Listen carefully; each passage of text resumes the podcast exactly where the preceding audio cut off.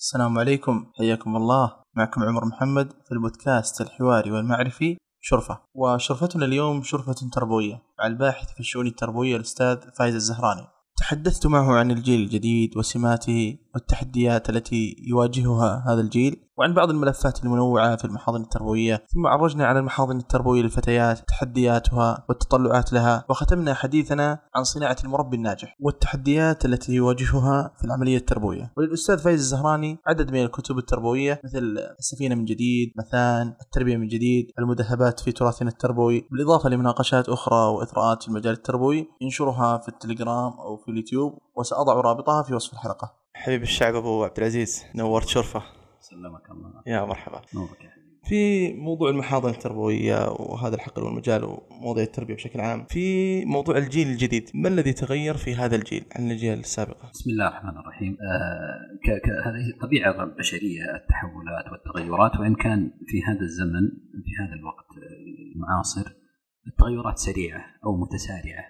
لذلك نحن نلحظ هذا الأمر ونتحدث عنه. وإلا فإن الناس سابقا لا يتحدثون عنه لأن التحولات بطيئة والتغيرات آه، تمشي بشكل آه، بطيء. الجيل الجديد الذي نتحدث عنه آه، التغيرات التي فيه متنوعة ومتعددة.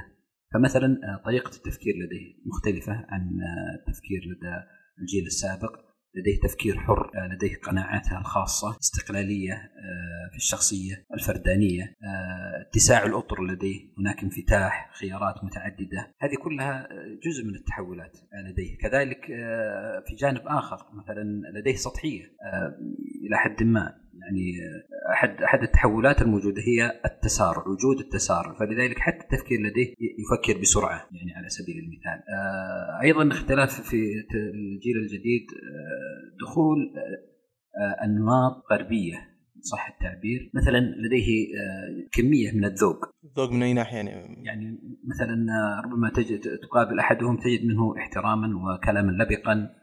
ولو كتب لك رسالة على الواتساب تجد كلمه جيدة ما كنت تسمعها من من آه، ممن عاصروك أنت. في- يعني لديه مفردات جديدة مفردات لم تكن موجودة سابقا هي تمثل كلمة الذوق أو الإتيكيت. هذه بعض الأشياء يعني إحنا ما نتكلم في جانب فقط سلبي أو لا هي فيها جوانب سلبية وجوانب إيجابية. ربما أيضا تغير نمط تغير النمط المعيشي لدى الشباب اليوم. مثلا النوم في النهار أو إدامة النوم في النهار تغير أنواع الأكل. لعلها أحدثت تغييرا في خصائص الشخصية أو في خصائص حتى النمو لديهم. آه، لديهم تغيرات في المزاج وتغيرات في في الجسد كذلك في بل في يعني أحيانا في الفسيولوجيا لدى لدى الشخص. تحولات في المفاهيم أيضا. تحول سلبي. فمثلا نزل مفهوم الاحتجاب آه، عفوا نزل مفهوم الحجاب وجاء مكانه الاحتشام مثلا. يعني يعني ممكن الفتاة اليوم تنزع الحجاب وتقول أنا محتشمة أو أنا عفيفة بحيث إنها ما, ما تقارف الكبيرة. تغير في العلاقات ومن الأشياء المستحدثة الحب قبل الزواج على سبيل المثال أو ما يسمونه الحب الشريف. ففيها حقيقة أنماط آه، سلبية وأنماط إيجابية في في هذه التغيرات وهي موجودة وأصبحت ظواهر آلية التعامل مع الجيل الجديد هل نستحدث آه، آلية جديدة للتعامل معهم؟ والله إحنا أساسا يعني هو يطرح هذا الأمر كيف نعالج كيف نعالج مثلا أنا لا أرى أنه آه أنها مشكلة. هو تحول يعني هو وضع يعني ينبغي أن نتعامل معهم كوضع آه، جديد وليس كمشكلة. لأن هذا وضع جديد وله إيجابياته وسلبياته. فينبغي انه انه نتعامل مثل ما نتعامل في علاج المشكلات أيضا نتعامل في تعزيز الإيجابيات أو في استثمارها أو استغلالها أو نحو ذلك. ونعم يحتاج انه يحتاج انه يعني نغير آه، طرق التعامل. ولكن هذه هذه طرق التعامل ليست آه، ليست مثلا هي عبارة عن رأيي ورأيك مثلا أو واحد قال أنا آه، سأفعل كذا وأفعل كذا. هي تحتاج إلى دراسات لأنها أصلا مبنية على مبنية على على على جوانب ثقافية وعلمية. يعني هذه التغيرات مبنية على لي- ليست هي تغير فردي مثلا هي تغير عام. ودراستنا لل- لل- للإنسان يعني بوصفه انسانا هو مبني على دراسات. يعني كيف نتعامل معه كيف نحل مشكلاته كلها مبنية على دراسات. فنحن الآن نحتاج إلى دراسات إلى حوارات إلى نقاشات إلى ورش عمل. كيف نتعامل معهم؟ كيف نتعامل معهم في الجانب العلمي؟ يعني عندهم اختلاف في طريقة تلقي المعلومة. كيف نتعامل معهم حتى في جانب الغذاء؟ يعني لديهم اختلاف في هذا الجانب. كيف كيف نتعامل معهم؟ يعني كيف كيف نوصل لهم المفاهيم التربوي في جانب العلاقات؟ لديهم جانب علاقات جديد. وهكذا. وهذه كلها تحتاج إلى إلى ما قلت لك دراسات نقاشات حوارات يعني حتى نخرج بإطار كامل أو إطار متكامل منظومة كاملة من يعني فكر تربوي يتعلق بالجيل الجديد. طيب تقييمك شيخنا لموجة السخط اللي يعني يقولها المجتمع في كل مجلس وفي كل تغريدة إذا جاء طاري الجيل الجديد دائما تجد أنه ناس ناقمين على هذا الجيل أذكر أنا يعني صغير نفس الشيء يعني كنت أسمع من الشياب هذا الكلام. يعني هو كل جيل ينقم على الجيل الذي بعده والجيل الذي بعده هو تربية الجيل الحالي. يعني ها يعني هؤلاء أولادنا تربيتنا نحن. كيف ننقم منهم؟ أو يعني هذا أسلوب خاطئ ومبني على فكرة خاطئة. هو الإنسان عدو ما يجهل لأنهم لا لأننا لا نفهمهم لا نفهم آه، طريقة تفكيرهم لا نمط شخصياتهم. لا نفهمه فبالتالي نصنع حاجز أو عداء معين أو كراهية معينة أو نفور حتى على الأقل آه، معين منهم، لكن هذا غير صحيح وغير وارد. آه، الصحيح أن نتعامل معهم كوضع اجتماعي فقط، وضع اجتماعي له خصائصه، كما أننا نحن لنا وضعنا الاجتماعي الخاص بنا، لو جلست مع كبار السن هم يرون آه، الإشكالية هذه التي فيهم التي نحن نراها في الجيل الجديد هم يرونها فينا نحن، ونحن نشوف أن أننا نحن الصالحون وكذا وهؤلاء، فهي مسألة يعني لا تنتهي. ولا ينبغي يعني القضايا هذه ينبغي ان أن يعني آه تتعاطى بشكل علمي وبشكل يعني أكثر يعني أقرب إلى الموضوعية منه إلى الجانب العاطفي. الرجل ليس صحيحا. يعني من, من الإيجابيات الموجودة؟ آه القراءة. على سبيل المثال اطلاع القراءة الآن أكثر من قبل. هذا على سبيل المثال الانفتاح انفتاحهم على الأفكار والمعلومات مع مع المحافظه على قدر من من المفاهيم والمبادئ. هذا موجود الآن وهي تعتبر إيجابية يعني قدرة الآن الشباب أو الجيل الجديد قدرتهم على على التمسك بالإسلام والمبادئ مع الانفتاح أكثر من قدرتنا نحن الذين سبقناهم. لأن أصلا نحن تربينا في عصر منغلق وفي مجتمعات منغلقة. فكان يعني تدين هو تيار وهو يعني طبع. حالة مجتمعية. حالة اجتماعية. اليوم لا هو ليس كذلك. فالشخص اليوم الشاب لما يصلي هو يصلي بقناعته لما يعتنق فكرة فهو يعتنقها بقناعته. وهذه ميزة أنا أعتبرها ميزة كبيرة جدا ينبغي أن تستثمر وينظر إليها، فليس كل شيء هو سلبي يعني، لكن هي ظواهر اجتماعية قضية التأفف والتضجر من الأجيال الجديدة. جميل، طب في التعامل مع هذا الجيل تربويا قد نحتاج إلى أن نتنازل عن بعض الثوابت التربوية ان صحت العبارة، فما رأيك بهذا التنازل إلى أي حد ممكن نتنازل؟ هو ما نرى انه التنازل هو أيضا هذا مما يطرح الثوابت ما ما يتنازل عنها لكن عندنا ربما يكون عندنا غبش في في تعريف الثوابت. طب إيش هي الثوابت اللي التربويه؟ خلينا نقول الثوابت. ما هي الثوابت عموما؟ ايا كانت الثوابت، الثوابت ثوابت الدين عندنا هي محددة. المحكمات ما تسمى في الشريعة المحكمات، هذه هذه التي جاءت بها نصوص قطعية لا تقبل التأويل، تحريم الزنا، تحريم القتل، بر الوالدين، الشرك، تحريم الشرك، وجوب التوحيد، الصلاة إلى آخره، هذه ثوابت، هذه ثوابت أو ما تسميها الشريعة المحكمات كما منه آيات محكمات هن أم الكتاب، حتى قالوا هذه أم الشريعة، هذه المسائل هي أم الشريعة. نحن في التربية لابد أن ننظر إلى إلى التربيه جزء من الشريعة أساسا. وما, وما ما هو ثابت في التربية ينبغي أن نستمده من ثوابت الشريعة، الضرورات الخمس الفقهاء يعني قسموا الدين إلى الضرورات وإلى الحاجيات. أعطونا هذه الضرورات، هذه الضرورات هي التي ينبغي ان الا نتنازل عنها، التنازل هذه ما نتنازل عنها، ما نتنازل عنها، ما الشريعة ما تتنازل عنها، فأنا ما أتنازل عنها لأن أنا جزء من الشريعة، عملي هو جزء من الشريعة، أنا لست يعني أتيت من خارج الشريعة، لما أتكلم عن التربية أنا ما أتيت من خارج الشريعة، أنا أتيت من داخل الشريعة، آه ولدينا فقه تربوي إسلامي مبني على هذا على هذا الأساس، على على فهمه للإسلام، مبني على فهمه للإسلام، خذ على سبيل المثال بر الوالدين. بر الوالدين واضح إحكامه في الشريعة في كل الشرائع إحكامه وقضى ربك الا تعبدوا إلا إياه وبالوالدين إحسانا. ما يقبل التأويل ولا يقبل. هذا ينبغي أن يكون عندنا في التربية بجنب بجنب التوحيد. لأنه في القرآن هكذا في القرآن أتى بجوار التوحيد. ينبغي أن يكون جميل. عندنا بجوار التوحيد في قوته. فالاشكاليه في يعني في قولنا نتنازل عن مبادئ أو ثوابت تربويه هو هو إشكال فكري لدينا ما هي الثوابت أساسا نحن أحيانا نتعامل مع بعض القضايا اللي هي قضايا اجتهادية، أحيانا نتعامل مع بعض الوسائل على أنها قضايا ثابتة وأنها لا تقبل التغيير. وهي دوبها نشات يمكن فرازات مجتمعية ممكن تكون. إي نعم. هي عادي يعني شيء حدث في وقت ما يمكن قبل 20 سنة 30 سنة 40 سنة ولا 50 سنة نتيجة تفاعلات معينة في المجتمع ورحب بها. أهلا وسهلا. لكن لا يمكن أن تسمى ثوابت لا يمكن تسمى محكمات. المحكمات قليلة وبقية الأمور ترى تخضع للاجتهاد والتغيير وما تسمى مثلا التنازل ولا نبغى نتخفف يعني. إحنا عندنا أحيانا آه، نتحدث عن الملابس اللبس ها؟ يعني مسألة ما لها وجود أصلا ها؟ يعني في القضايا الكبرى. نتحدث عنها كثابت من الثوابت لا ليس. هذه الثوابت الكبيرة التي بها آه، محكمات الدين التي بها يحفظ الدين. تحفظ جزئيات الدين. تحفظ الحاجيات.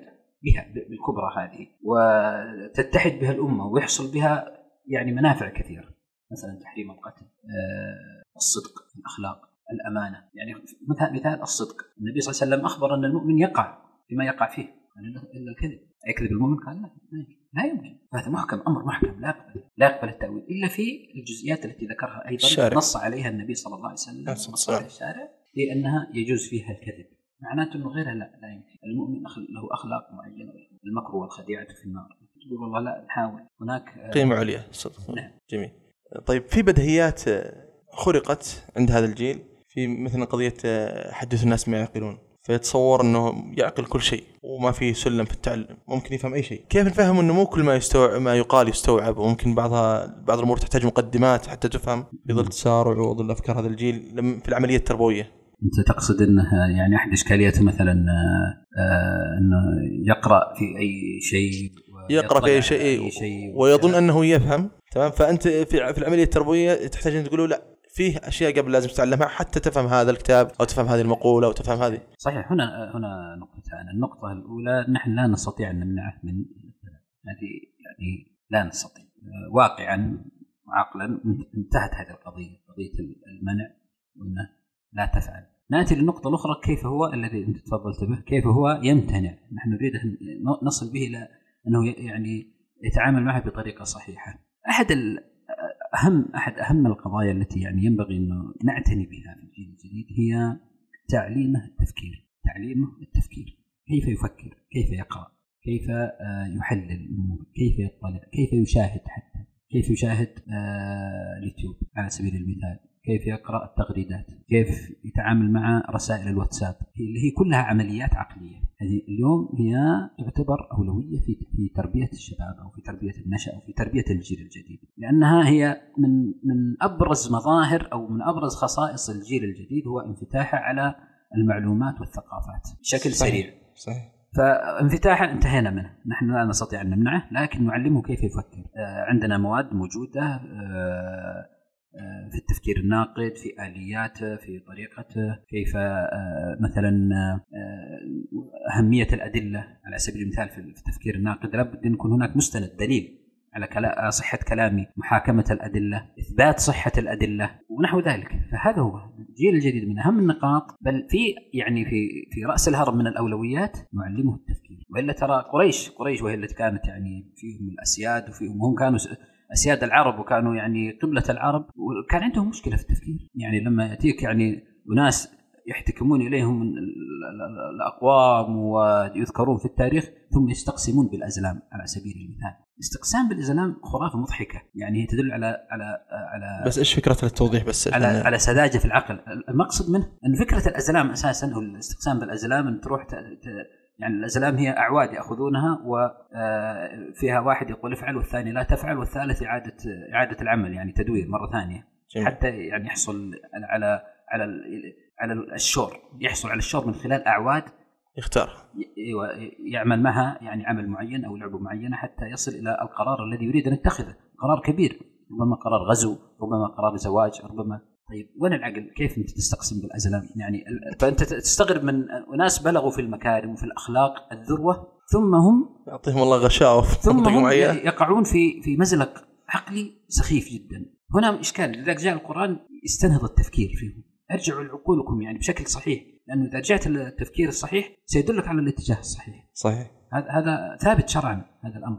التفكير الصحيح سيدل على الطريق الصحيح. الجيل الجديد يحتاج إلى هذه النقطة. يعني الاستقسام بالأزلام الان ما هو أشد منه. يعني موجود الآن. أبراج و... أي أبراج حتى أنا على الأقل يعني من أقل الأمثلة موجودة. قال ابن القيم كذا وكذا في الواتساب تجيك قال ابن القيم لا قال ابن القيم ولا شيء. كلام واضح إنه معاصر. كيف نتقبل هذا الشيء؟ الشباب اليوم يعني يتعرض إلى شيء ثقافي كبير جدا ويقنع به. إذا نحن ملكناهم التفكير ملكناهم التفكير على أصوله ها؟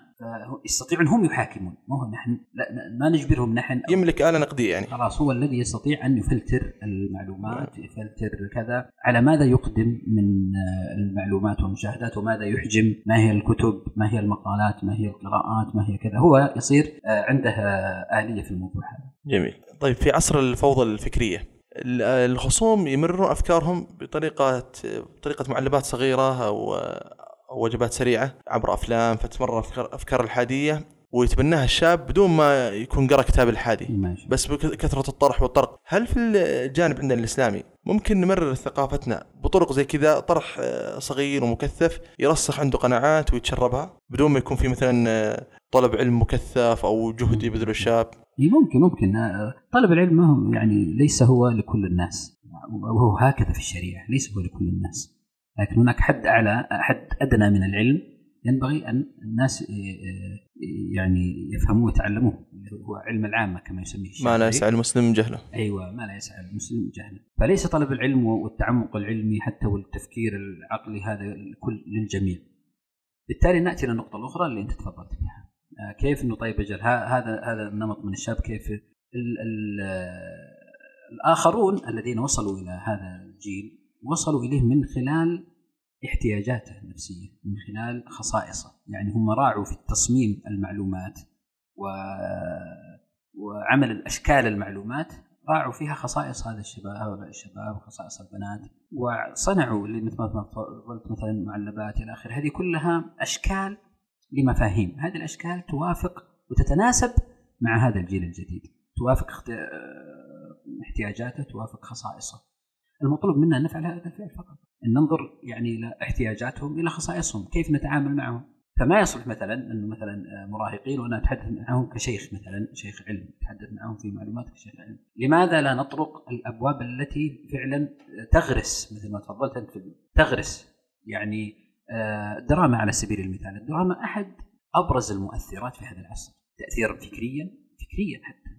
أنا جايك في الدراما في السؤال اللي بعده. على على سبيل تمام. ندخل ندخل أنا السؤال أنا اللي بعده. هكذا يعني جميل. يعني هم ذهبوا إلى هذه إلى هذه النقاط واشتغلوا عليها، اشتغلوا عليها ليس بناء على هواية ولا كذا، لا هي ليست علماء نفس عندهم متخصصين نفسيين يصنعون الأشياء. يعني على سبيل على سبيل المثال تكرار المشهد، تكرار المشهد، تكرار المشهد يجعلك تقبل الفكرة المشهد، تكرار المشهد، فلما يأتي مثلا شخص يشرب الخمر ثم يشربها مرة ثانية ثم يشربها مرة ثالثة إذا كان نجم أو بطل. ولد قناعة لدى الآخر أنه أحد سمات البطولة أو أحد صفات البطولة هي شرب الخمر ممكن أسوأها أنه ما تستنكر هذا الشيء. أقل ما فيها أقل ما فيها النفور. أنه يكون عادي. هذا وضع عادي. ليس ليس مستنكرا. يعني مثلا ما هو مستنكر. خذ ما شئت من المفاهيم. جيد. طيب في في زمن الاعلام ثوره الاعلام ونتفليكس وفي خدمات آه، ال streaming جاية في الطريق في الأشهر القادمة ديزني وأبل. نعم. الآن آه، أنا بنطلق معكم مسلمتين في هذا السؤال. المسلمة الأولى إنه ما نقر الحرام نحن تمام؟ وإنه الحرام حرام وإنه هذا ممكن ابتلاء يكون لل- نعم. لنا كمسلمين. المسلمة الثانية إنه الأفكار اللي تمرر في الأفلام والمسلسلات هي أخطر بكثير من المشاهد إن كان فيها تبرج أو أو أي مشهد آخر يعني. ففي ظل هذا ال- ال- الوضع والإغراق الإعلامي اللي صاير في عندنا بعض يمكن الدراما اللي تحوي محرمات لكن كأفكار تخدم أفكار إسلامية. وضعنا في تعامل الشباب والجيل في مشاهدة هذه الشغلات. يعني هل نحن نمدحهم شوفوا بدل ما يقعون في الحرام الأكثر حرمه يعني أو نسكت أو نمنحهم نقول هذا خطأ المفروض ما تشوفونه؟ فهذا المأزق كيف نتعامل معه؟ هذه المحافظة هذه اللي تتحدث عنها. ممكن محافظة إلى حد ما يعني لكن فيها أفكار بشكل عام إي نعم إي نعم. يا أخي شوف نحن ننطلق آه، في جميع رؤانا من الشريعة الإسلامية، النبي صلى الله عليه وسلم أذن لجاريتين أن يغنيان، يتحدث العلماء عن هذا الموضوع، يتحدث ابن القيم، يتحدث ابن تيمية. بكلام بأكثر من يعني من مرة تحدثوا عن هذا الموضوع بكلام جميل، كلام جيد، تحليل جميل، وان آه، لا أدري ليش نحن يعني غافلين عن مثل هذا الكلام، يعني لماذا لا نحب أن نسمع مثل هذا الكلام؟ آه كيف اذن النبي صلى الله عليه وسلم؟ يقول يقول ابن تيمية على سبيل المثال في يعني معنى كلامه يقول ضرب الدف لهؤلاء الجاريتين باطل في حقهما هو باطل جميل تمام؟ جميل يقول و و وهو في حق النبي صلى الله عليه وسلم عليه الصلاة والسلام. تصرف النبي صلى الله عليه وسلم وفعله مستحب لأن بعض النفوس لا تقبل الحق إلا من خلال باطل كيف هذه تعيد الفكرة هذه ما تقبل بعض النفوس لا تقبل الحق اللي اذا صحي بباطل إلا بباطل ليس لا يترتب عليه مفسدة. هذا الكلام ابن تيمية في الاستقامة. عجيب. إلا بباطل لا يترتب عليه مفسدة. اشترط الا يترتب عليه مفسدة. فهو يعني وهو أكثر من في أكثر من في أكثر من طرح يذكر ابن تيمية أنه نحن في دعوتنا يعني مفهوم كلامه نحن في دعوتنا نتدرج. نتدرج مثل ما كان النبي صلى الله عليه وسلم يتدرج. كان النبي صلى الله عليه وسلم يتدرج فنحن لابد أن نتدرج. ما معنى نتدرج؟ أن نقبل بعض الباطل. مقابل ماذا؟ القاعدة الفقهية الكبرى الموجودة عند أهل الفقه اللي هي دفع المفسدة العظمى مفسدة أقل منها؟ بقبول بقبول مفسدة أقل منها. تمام؟ جميل. فهذا هو هذا جزء من شريعتنا أساسا. فنحن نحن لا نقبل لأننا نتلذذ مثلا بوجود نساء مثلا أو بوجود موسيقى أو نحو ذلك. لا طالما هذه الدراما مثلا هي في الأصل يعني هي في تكوينها العام آه إسلامية تحث على القيم الإسلامية تبعث على التوحيد آه على على العدل على القيم الكبرى في, في, في الإسلام جميل مثل إيه. العدل مثلا صحيح. زي كذا ما المانع؟ ما المانع؟ طيب هذا جانب، الجانب الآخر من هم المخاطبين اللي أنت مثلا تقول آه يشاهدون أو لا يشاهدون؟ إذا كان طلبة علم لا يا أخي لا يشاهدون هؤلاء هؤلاء لهم صناعة خاصة، صحيح هؤلاء ليس هم اللي الذي يقول عنهم ابن تيمية بعض النفوس لا تقبل آه، الحق إلا بلذة باطلة. ليس هؤلاء اللي يتكلم عنهم ابن تيمية، يعني إذا كان هناك جاريتين يغنيان فكان هناك أبو بكر أيضا موجود وعمر وعلي. آه، ما يمشي عليهم الكلام هذا. صحيح. لا, يعني لا نسوق هذا الكلام عليهم.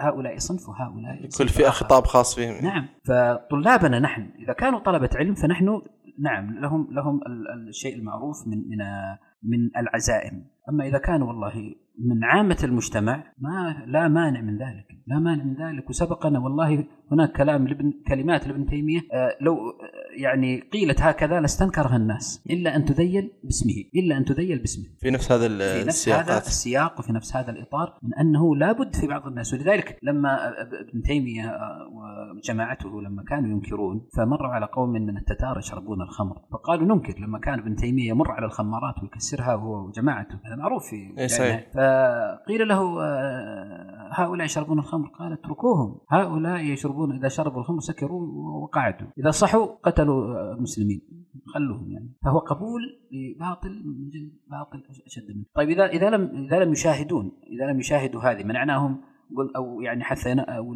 أو نهيناهم عن هذا. ما هو البديل الذي نستطيع أن نحن نقدمه لهم لابد أن نوجد بديل. الشريعة ما ما, ما تأخذك تسلخك من مكان ثم تتركه في العراء. ثقافة البديل هذه ما عليها كلام وأخذ وعطاء في ضرورة وجوبها أو إنها والله عادة الشريعة هكذا. هذه عادة الشريعة. لما نهت عن أعياد الباطل أع- أعطتنا أعياد. لما نهت عن عن الزنا باحت التعدد. لما نهت عن كذا باحت كذا. هذه عادة الشريعة. هذا هذه العادة لكن يمكن هكذا فهمنا من الشريعة. التشريع هذا لكن هل نحن في اجتهاداتنا ممكن ثقافه البديل. هذا مثل ما تقول إيش؟ من أدبيات الدعوة التي فهمناها من الشريعة أنها لا تخرجك من باطل إلى العراء لأنك سترجع إلى الباطل عرفت؟ فأنت لا لابد أن توجد مكان يعني أنت تخرجني من غرفة دخلني في غرفة أخرى. وليس انه هكذا. ماذا أفعل؟ أنا لا أعرف. أنا ضعيف. ضعيف القلب ضعيف النفس. آه، لست يعني متربيا بالدرجة الكافية. هذه عادة. عادة في الشريعة. طب آه، بخصوص الخطاب ال- لكل فئة وفئه لا أو بخصوص الخطاب اللي يكون يعني موجه لفئة دون فئة. في قضية المحاضن التربوية تجد بعض المحاضن يعني تركز على الجانب الفكري فتلاقي كل اللي فيها مفكرين. ومحاضن تربوية آه، تركز على الجانب مثلا العلمي أو الجانب الدعوي أو الجانب الإيماني. إيش المفروض تركز على المحاضن التربوية بشكل عام؟ واساسا آه، ينبغي إنه كل محضن يعني لا لا يخطط خطا يعني مزاجيا. وهذا الأساس. بناء على إيش اللي بناء على على تخطيط تخطيط تربوي. يقدم خطته التربوية المبنية على عدد من النقاط منها مثلا احتياج الواقع احتياجات أيضا النشء المستهدفين. متربين المتربين مثلا لهم احتياجات أيضا. بناء على الخلطة هذه أصدر منها أهداف رؤية رؤية التربوية. هذا هذه النقطة الأولى. النقطة الثانية التنوع أساسا يعني بشكل عام تنوع جيد يعني. تفتيت لما نتحدث بشكل عام التفتيت المحاضن مطلب. يعني آه مثلا آه، خلينا نقول عندي عندي مجموعة من من الشباب الطيبين في في كلية الطب، ليش ما أنا أعمل لهم محضن خاص بهم، يعني يكون محضن عملي يقدمون أعمال أعمال تتعلق بالطب وأيضا آه، هم يتربون من خلال العمل، هذا جانب آخر. لما تتحدث عن محاضن اللي هي تربوية عامة. يعني أنا عندي طلاب متوسط مثلا أو ثانوي في آه، محاضننا المعروفة وأقتصر فقط على جانب واحد. هذا إشكال. هذا تأسيسي. ما ينبغي في التاسيسي أن اكون التاسيسي غير التخصص. التاسيسي غير التخصص. للثانوي المتوسط هذا يعتبر تأسيسي. نعم هذا تأسيسي. يحتاج الهدف الرئيسي فيه هو تنمية الشخصية الإسلامية. طعم يعني من كل شيء تطعم. نعم شخصية كاملة شخصية متكاملة. شخصية متكاملة نكمل فيها. أنا لا أقول كاملة أقول متكاملة. كاملة أبني فيها الجانب الأخلاقي أبني فيها الجانب الجسدي كذلك أبني فيها الجانب الإيماني أبني فيها الجانب العقلي التفكير أبني فيها الجانب العلمي أبني فيها الجانب النفسي إلى آخره بحيث يكون عندي شخصية مكتملة السمات لديها اتزان لديها يعني نضع عدد من المعايير معايير التخرج إن صح التعبير آه، أن يكون متزنا أن يكون نافعا أن يكون إيجابيا متعلما قابلا للتعلم مثلا. ونحو ذلك من سمات هذا المخرج في الأخير. بعد ذلك آه، ممكن ننوع. ما في إشكال. ممكن ننوع ونفتت الأعمال ونبني يعني محاضن مختلفة متنوعة. الإشكال هنا أنك تعتقد إذا اعتقدت أن هذا هو الصواب فقط. يعني تقول مثلا نحن بحاجة إلى إلى تنمية الجانب الفكري مثلا لدى الشباب. والشغل ما تبغى يعني غيره من الأعمال هو خاطئ وأنه لازم نقدم فكر للشباب ثم نبني محاضن بهذا الاتجاه. أو أشخاص آخرين يقول نحن لدينا قصور في الجانب الإيماني. ونريد أن نبني الإيمان لدى الشباب ونبني المحضن على هذا الأساس. هنا هذا الخطأ لا ممكن أتخصص ممكن أتخصص بناء على فكرة وهي آه، يعني فكرة التخصص وليست فكرة الاحتياج وليست فكرة الضرورة جميل. فكرة إنه لا أنا ممكن والله أنا أحتاج إلى جانب علمي معين تخريج طلبة علم مثلا تمام ممتاز هذا إثراء آه، أطباء آه، إغاثيين كل هذا جميل لكن يكون على فكرة التخصص وليس على بناء على إنه هذه هي الضرورة والتي ينبغي أن أعمل عليها. واضح. الاحتياجات اللي ممكن تخلي المتربي يتمسك في المحضن ومفروض تتواجد في كل محضن تربوي ما هي؟ والله هي مثل ما تفضلت الاحتياجات احتياجات احتياجاته النفسية في الأخير. يعني مثلا المحاضن لو اشتغلت على هرم ماسلو على سبيل المثال جيد. شخصيا ما عندي مشكلة الحقيقة إنه يعني هو خير من أن ألغي بعض الاحتياجات أساسا. يعني عندنا إشكال اننا في في كثير من المحاضن آه، نعمل على جوانب محددة على جوانب احتياجات محددة الاحتياج الروحي. نحن نعمل كثير عن الاحتياج الروحي. هناك احتياجات أخرى احتياجات اجتماعية احتياجات آه، النفسية الحاجة إلى القبول الحاجة إلى الثقافة الحاجة إلى الهوية. آه، هذه كلها احتياج. يعني أن تكوين الهوية لدى الشاب في الثانوي والجامعة هذا مطلب لديه أساسا. هو إن لم تلبه له هو سيذهب يلبيه من غيرك. وهذا صعب جدا انه يلبيه مثلا آه، يبني ثقافته وهويته بناء على مثلا طرح أجنبي هذا غير جيد. فهو الاحتياج معناته ان الشخص سيبحث عنه. فنحن ينبغي ان وهي هذه التربية. التربيه لو لخصت هي تلبيه تلبية احتياجات. إذا لبينا الاحتياجات نحن نكون إنسان. مضبوط يعني ما فيه اشكال بإذن الله تعالى. جميل. وممكن أيضا ممكن أيضا يعني ليس فقط هرم ماسلو يعني مثلا. في في تجارب يعني إسلامية في صنع آه، سلم احتياجات أو هرم احتياجات. الدكتور عبد العزيز النغيمشي على سبيل المثال له تجربة جيدة حقيقة ورائدة حتى اللي هي؟ آه، احتياجات المراهق مصنف صنع سلما الاحتياجات آه، مقابل هرم ماسلو. فعنده هرم كذلك. ممكن يعني أي تجربة؟ إيوه نعم أي تجربة. وين ممكن يرجعوا له عشان نحط رابطه في الوصف؟ أه والله ما أدري بس هو له كتاب اسمه المراهقون وله كتاب اسمه علم النفس الدعوي. هي والله نفيسة مع إنها قديمة يعني ما ما أرى لها طباعات جديدة لكنها نفيسة نفيسة جدا. جميل.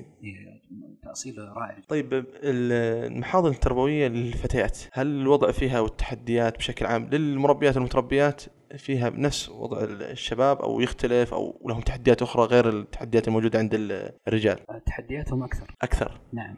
لأنه في آه، يعني آه، الاهتمام بهم أقل من الاهتمام بالشباب، الاهتمام بمحاضن البنات هو أقل من الاهتمام بمحاضن البنين، هذا هذا الواقع، هذا الواقع، حسب رؤيتي على الأقل. جميل. إنه هذا هو الواقع، وبالتالي آه الإشكاليات أكثر، هذا جانب، الجانب الآخر في الحقيقة إنه التغيرات المعاصرة تستهدف المرأة أكثر بشكل مباشر، ووعينا بهذه المسألة أقل من المطلوب، يعني على سبيل المثال لدينا النسويه على سبيل المثال، النسوية.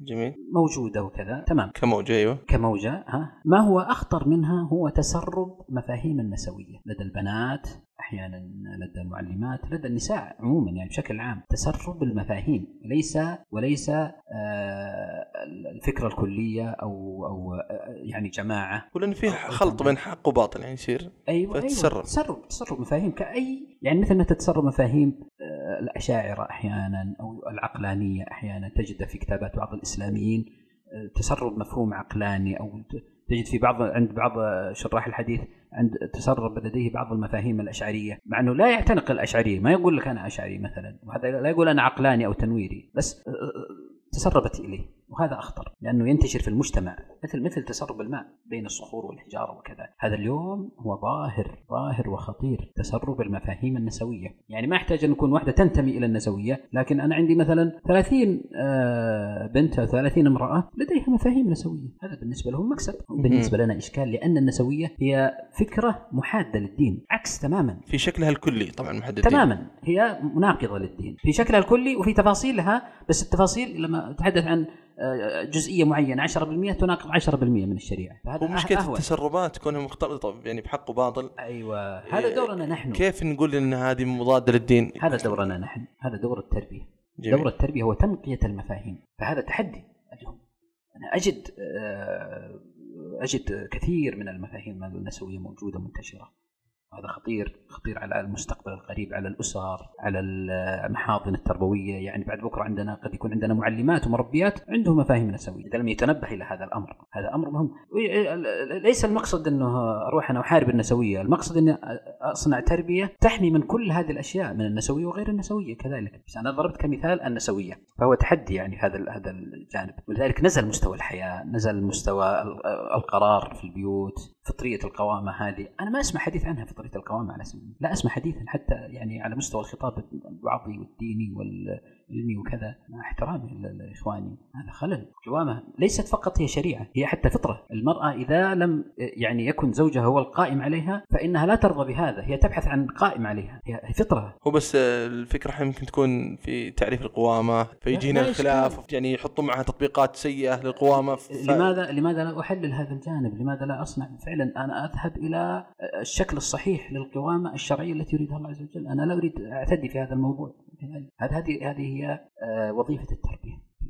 تنقي المفاهيم وتصححها ما نغلو فيها كذلك. ليس صحيح. هو الاستعباد وليس هو مثلا التجبر والتسلط وكذا. القائم ينبغي أن يكون حنونا عطوفا رحيما شف يعني شفوقا شفيقا عليها وهكذا. فهذه وظيفة التربية خاصة في هذا الوقت. هذه تحدي, تحدي كبير موجود الآن نسوية. من التحديات أيضا الموجودة لدى المحاضن التربوية النسائية. الأهداف التربوية. يحتاج إلى إعادة صياغة تنويع كذلك تختلف البيئات تحتاج إلى إلى إلى إعادة نظر. هي الان الأهداف الشيء اللي مطروحة في الساحة الآن؟ أهداف عادية يعني هي تقليدية صح التعبير واحدة في الأخير. نريد أن نخرج متدينات ولا حافظات للقرآن ولا كذا. هو هل هذا هل هدف هل هدف الإسلام في المرأة أن تكون حافظة للقرآن مثلا؟ عفوا على الكلمة مفهومه في سياقة ما عندك وإن شاء الله إنه ربعنا في شرفه يفهمون إن شاء الله. لا أحد يستقطعها وحدها ليس هدفا حقيقة. ليس هدفا. المرأة ينبغي أن نبحث عن الهدف. أنا لا نقول أنا يعني نثبت شيئا لكن أقول ينبغي أن نبحث عن هدف الإسلام في تربية المرأة. جميل. نحن شرعيين ترى في الأخير. نحن لما نكون مربين ما إحنا يعني خواجة زي ما يقولون. إحنا شرعيين. نذهب ننظر إلى القرآن. تحدث القرآن عن النساء تحدث عن عن الصالحات تحدث عن غير الصالحات. نأخذ هذه الخلطة كلها نأخذها ثم نخرج منها نظرية تربوية نسائية صحيحة وننطلق منها. هذا جانب. من الجوانب حقيقة اللي أعتبرها إشكالية وهي تحدي. ضعف اهتمام المحاضن التربوية النسائية بالحياة الزوجية. وهذا جزء يعتبر متضخم لدى النسوية. هو من أي ناحية ضعف؟ ينبغي يعني لأنه أحد وظائف المرأة الكبرى في حياتها هي الزوجية أن تكون زوجة صالحة انت تقصد المحاضره التربوية ما تعزز هذا الجانب أو أنا أقول ضعف. ينبغي أن نكون أقوى. لأن أصلا لدينا هجمه ثقافية آه، في في تفتيت الأسرة. تغيير مفهوم الزوجة كذلك. يعني شريكة الحياة على سبيل المثال هي شريكة حياة. لا ما هي شريكة حياة. ما إحنا ما إحنا في شركه يعني. هذه نظرة نظرة مادية رأسمالية. الشريك له واجبات وحقوق. تجي يعني من معنى عاطفي يمكن أكثر من كونها. هي أعظم هي أعظم. هي الله سبحانه وتعالى جعلها جزء من من الرجل. فأنت تخيل آه، علاقتك بالشريك وعلاقتك بالجزء. أعظم تكون صح. أعظم صح. آه، تتحدث عن جزء مثل يدك مثلا يعني ولا رأسك. عنايتك بهما أكثر من عنايتك بالشريك. فالإسلام تعظيمه للحق أكبر. ولذلك تخيل الإسلام أعفى المرأة من من مثلا البحث عن الرزق من الجهاد من كذا. محفوله مكفوله يعني هي مخدومه حقيقة والزوج خادم لها بالتالي صار خادما لها. يعني هي لا ليس عليها أن تحمل عبء الرزق مثلا ليس في الإسلام هذا. إذا ما هو الزوج آه الأب إذا ما هو الأب ما في لا زوج ولا أب آه بيت المال. في الإسلام لا يوجد أن المرأة تقوم على أولادها أو على نفسها يعني بذاتها لابد لها من يساعدها. هذا في الإسلام كذا هذا شريعة الله سبحانه وتعالى نزلت هكذا ما هو عرفت؟ الشريك لا الشريك مشكلة. ولذلك يقول يعني طلت عليك لكن لا لا يقول أحد أخبرنا أحد بودكاست بودكاست. دكتور مصري آه، عنده جنسية كندية. يقول لما كنت مبتعد في كندا هو دكتور حقيقي وشايب يعني. يقول كنت مبتعد في أسرة آه، رحت عند شايب وعجوز زوجته عجوز يعني يريد أن يحافظ على نفسه. وهذا قديم الكلام هذا قديم. يقول لنا ف... وكنا في الصباح نجتمع نشرب الحليب ثم ننطلق ننطلق كل في عمله وكل في كذا. يقول ذاك اليوم طبعا نجي متأخرين نجي متأخرين وكل واحد يروح ينام في حال سبيله. يقول ذاك اليوم استيقظت ورحت آه، جلسة الفطور ولا فقط أنا والمرأة العجوز وكوبين يعني يعني فقط يقول ما في كوب ثالث. فقلت وين آه، فلان؟ زوج يقول وهي تحتسي الحليب وتشرب الحليب تقول آه، في المقبرة. مات. أمس انتهى. عادي. يقول ما كأنه في شيء حصل. في واحد نقص وانتهى هذا الشريك. واحد كان موجود وراح. يقول ففزعت من هذه الحاله يا لطيف. إذا هذا الزوج مات طيب أنا لو أموت يعني. يا لطيف. فالشاهد من هذا إنه هذا هذا قيمة الشريك. ليس له قيمة إلا بمقدار المنفعة. مقدار ما يعطي. يعني المنفعه المادية. الجزء ليس منفعة مادية. الإسلام لا ينظر إلى ولذلك بعض الصالحين لما يتخاطب مع زوجته يقول أنا أراك زوجة وبنتا يعني من رحمته بها يعني من رحمته بها. الشاهد من هذا إنه المفاهيم الزوجية ينبغي أن نركز عليها لأننا أمام مفهوم زواجي شرعي مطلوب أن يكون موجود، الامر الثاني لأننا أمام مشروع تغريبي يضرب الزواج ويضرب الأسرة. يعني هذه مبررات للاهتمام بهذا.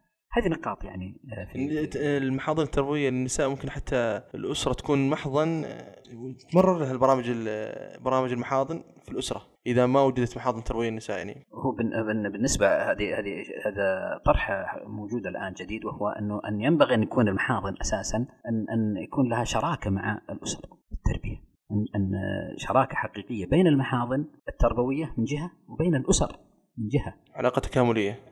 أن يكون بينهم شراكة مثل مؤسستين يروحون يوقعون عقد ان نتشارك. نحن نعطيكم نحن المحاضن نعطيكم يا الأسر الأهداف التربوية نعلمكم على طرق التواصل نعلمكم على مسألة الأهداف نعينكم في كذا وكذا.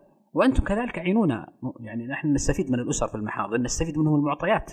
ما هي مشاكلكم؟ ما هي مشاكل الأولاد والبنات؟ ما هي مشاكل كذا؟ هذا طرح موجود الآن وهو جدير حقيقة أن يكون هناك شراكات علاقات بين المجتمع وبين المحاضن. جميل. في طب بخصوص لو انتقلنا إلى المربين ما الشيء الذي يحتاجه المربي ليكون ناجح في هذه المحاضنه التربوية أو ما هي التحديات اللي تواجهه؟ آه، والله حتى يكون ناجح أول أول نقطة والتي أرى لها تاثيرا يعني عميقا جدا في مسيرة المربي هي آه، نموه العلمي. هذا له تأثير كبير واضح يعني هو واضح للعيان.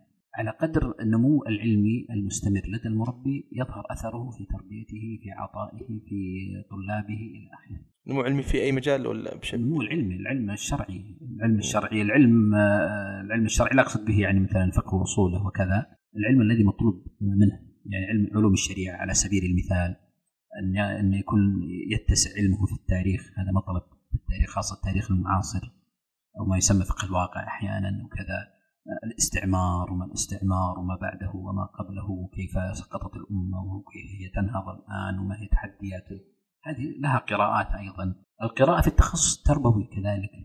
لابد أن يكون له قراءة في التخصص التربوي. والنبي صلى الله عليه وسلم يعني أول ما بعث نحن المعلومة هذه التي يعني تعلمناها في الصغر نبئ بأقرأ وأرسل بالمدثر. لماذا لم يرسل من البداية بالمدثر؟ لماذا لم يكن أول ما أنزل إليه المدثر؟ يا أيها المدثر قم فأنذر. المطلوب من النبي صلى الله عليه وسلم النذاره لكن لم يطلب منه من البداية طلب منه البداية القراءة. فهذا لها تأثير عميق أنا أعتقد أنه عميق جدا. آه، أحيانا يكون المربي يقول أنا مشغول مثلا ما عندي الوقت وهذا كل هذه الأعذار لا تقبل. لا تقبل. لو قبلت لقبلت من النبي صلى الله عليه وسلم الذي قال له جبريل اقرأ قال ما أنا بقارئ أنا أصلا ما أعرف أقرأ. يعني, يعني تصور كيف. هو لا يعرف يقرأ. جبريل يعرف أن محمد لا لا يقرأ. والله سبحانه وتعالى يعرف أن محمد لا يقرأ. مع ذلك يامره مع ذلك يامره بالقراءة يعني حتى تشعر أنت يعني عقلك يدرك أهمية هذا الموضوع موضوع النمو العلمي والقراءة تحديدا. هذا مطلب ثم القراءة ليست بالأمر الآن ليست بالأمر الصعب. اللي ما عنده مكتبة من خلال الجهاز. آه، حتى لو كان في مستشفى في انتظار في كذا يستطيع أن يتصفح يقرأ. نحن نقرأ أصلا كميات هائلة من الواتساب والرسائل التافهة أو أو العلمية غير المرتبة كذلك لابد يكون لنا برنامج علمي. هذا له تأثير كبير. الشخص القارئ له تأثير. جميل. مهما كان. هذه هذه نقطة رئيسية. هناك جانب الاخلاقي كذلك. امتثال المربي حتى يكون مؤثرا. امتثاله امتثاله للشريعة. أن يكون هو رجل صالح حقيقة. يعني آه، لديه أخلاق لديه عبادات لديه كذا لديه كذا. ليس من أجل أن يعني هو لا يفعلها من أجل الناس. ويفعلها القناعة لديه أن هذا هذا هو الدين وهذا الذي يجب عليه. هذا سيكون أبلغ الأثر. صدقني نحن لو يعني آه، اعتقادي أن المربي هو آه، أكثر أكثر تأثيره هو في أفعاله وليست في أقواله. نعم عندنا دروس كثيرة وأشياء تقدم أكثر. المؤثر الأكبر هو هو أنت شخص الهاله التي عليك. آه، النور الذي ينبعث منك. الأخلاق الذي التي تفيض بها. وهكذا. هذه هي المؤثرات الحقيقية. كلام النبي صلى الله عليه وسلم معدود محفوظ. تتخيل هذا. معدود كلام النبي صلى الله عليه وسلم. والقرآن كتاب واحد فقط. ما هو عشر مجلدات. صحيح. كتاب هذا كتاب واحد ونسلم كلماته معدودة ومحفوظة وكذا. لكن كثير من الأحاديث رأيت النبي صلى الله عليه وسلم. رأيت. شوف كيف. يعني كثير منها أنه وفعل النبي صلى الله عليه وسلم كذا. هي عملية مشاهدة. التغيرات مشاهدة وتحتاج وقت ونفس طويل. هذا من أيضا من أحد الأشياء عفوا يعني طلت في هذا من من تكون مؤثرا أن يكون مواكبا. مواكبا يعني ليش بالضبط؟ يعني آه, آه، يواكب متغيرات عصره. لا يعيش لا يعيش عصره هو لا يعيش عصره. أنت أنت حين تربي فأنت تربي هؤلاء النشء ليكونوا صالحين في حياتهم هم ليس في حياتك أنت في عصرهم هم. عصرهم القادم يعني هم بعد 10 سنوات 20 سنة سيكون لهم عصرهم الخاص متغيراتها الخاصة. كيف يستطيعون أن يكونوا مسلمين متمسكين في تلك الظروف الجديدة؟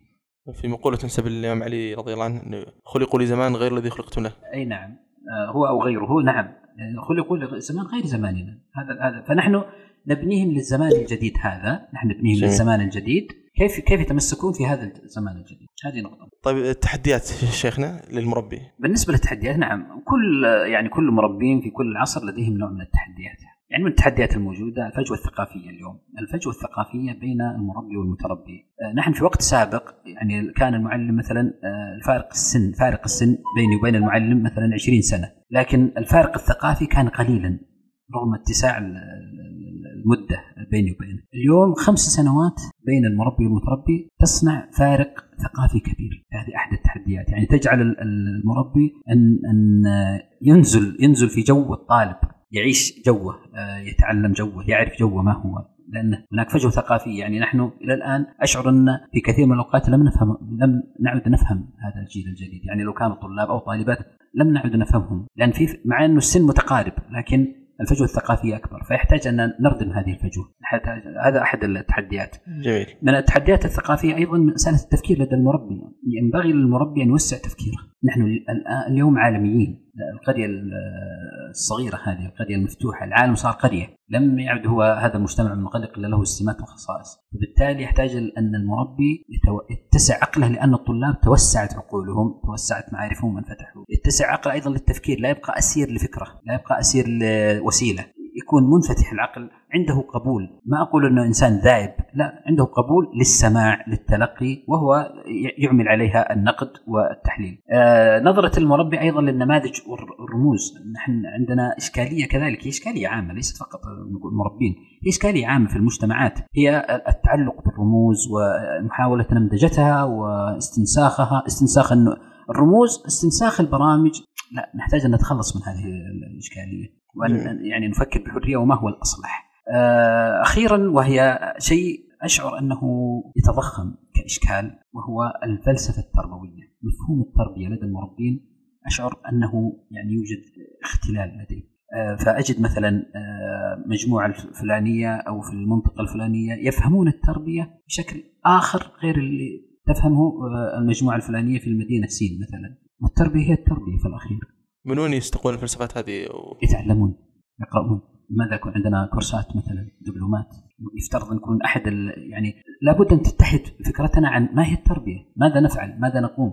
كثير من إشكالاتنا هي مبنية على فكرة ما هي التربية أصلا. يعني أحيانا أجد انه بعض المربين هو فقط آه، ميكانيكا يعني هو فقط آلي يقدم إجراءات وينتهي منها ويحاسب عليها وبالتالي أي معالجات أخرى تصعب عليه. ما يستطيع انه ما عنده إطار يفكر من خلاله منطلق يفكر من خلاله.